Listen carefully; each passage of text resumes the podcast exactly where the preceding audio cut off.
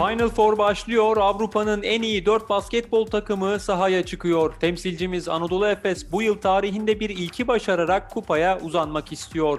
Final Four öncesi son gelişmeleri ve temsilcimizin son durumunu Anadolu Ajansı muhabiri Ercan Doğan'la başlama vuruşunda konuşacağız.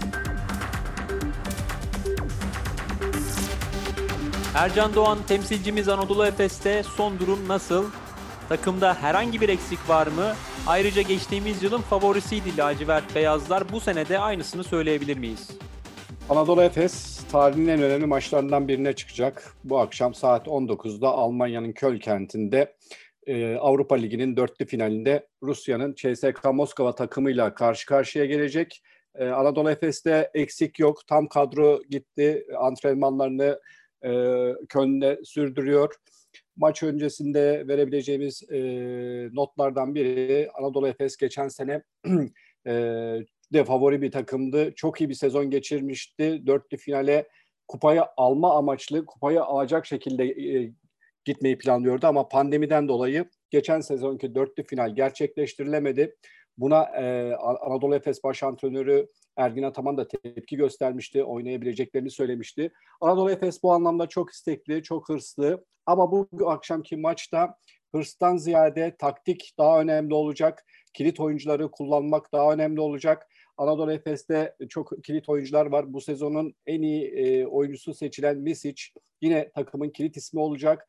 Shane Larkin belki parlak bir sezon geçirmiyor. Geçen sezon daha farklı bir performansı vardı ama o da yine takımın en önemli isimlerinden biri.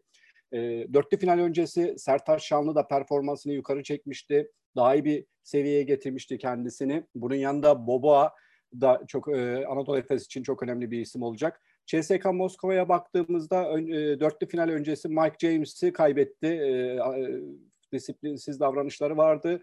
E, hocasıyla Itoidis'le tartışmalar da vardı. Kadro dışı bırakılmıştı. Daha sonra Mike James NBA'ye transfer oldu. Ayrıca e, uzun oyuncusu CSK Moskova'nın uzun oyuncusu Militinov'un sakatlığı var.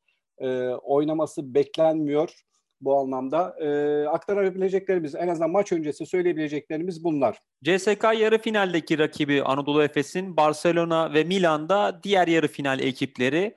Eğer temsilcimiz finale yükselirse bu iki takımdan biriyle eşleşecek, biriyle karşılaşacak. Normal sezona bakacak olursak nasıl bir performans göstermişti lacivert beyazlar bu takımlara karşı? Evet Anadolu Efes biraz tutuk başladı sezona. Geçen sezon çok istekliydi, çok favoriydi ama e, pandemiden dolayı ertelenmesiyle birlikte bir hayal kırıklığı yaşadı. Bu anlamda biraz durgun başladı Avrupa Ligi'ne ama sonrasında hızlı toparladı.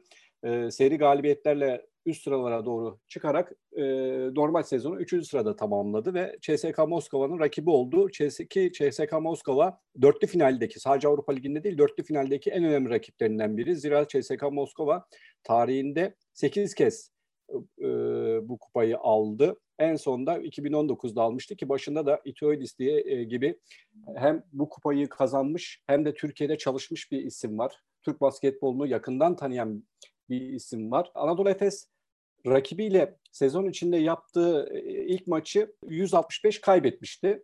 Ama İstanbul'da oynadığı maçta e, gerçekten de yine e, tarihinin farklı galibiyetlerinden birine imza atmıştı ve rakibini 170 yenmişti. Bu anlamda CSK Moskova Anadolu Efes maçı ki basketbol kamuoyu yorumcular da bu yönde görüşler belirtiyor.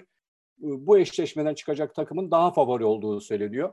Barcelona son iki sezonda ciddi e, transferler yapmıştı. Yeni yapılanmaya gitmişti. Bu anlamda o da favorilerden biri. Ar, Armani Milano ise biraz daha mütevazı gö- gözüküyor bu takımlar karşısında. E, ilginç bir eşleşme bu da tabii ama CSKA Moskova Anadolu Efes e, eşleşmesi biraz daha favori rakibin takımın e, ön plana çıkmasını sağlayacak. Ercan Doğan teşekkür ediyoruz. Spotify, SoundCloud, Apple Podcast ve diğer uygulamalar bizi hangi mecradan dinliyorsanız lütfen abone olmayı unutmayın. Hoşçakalın.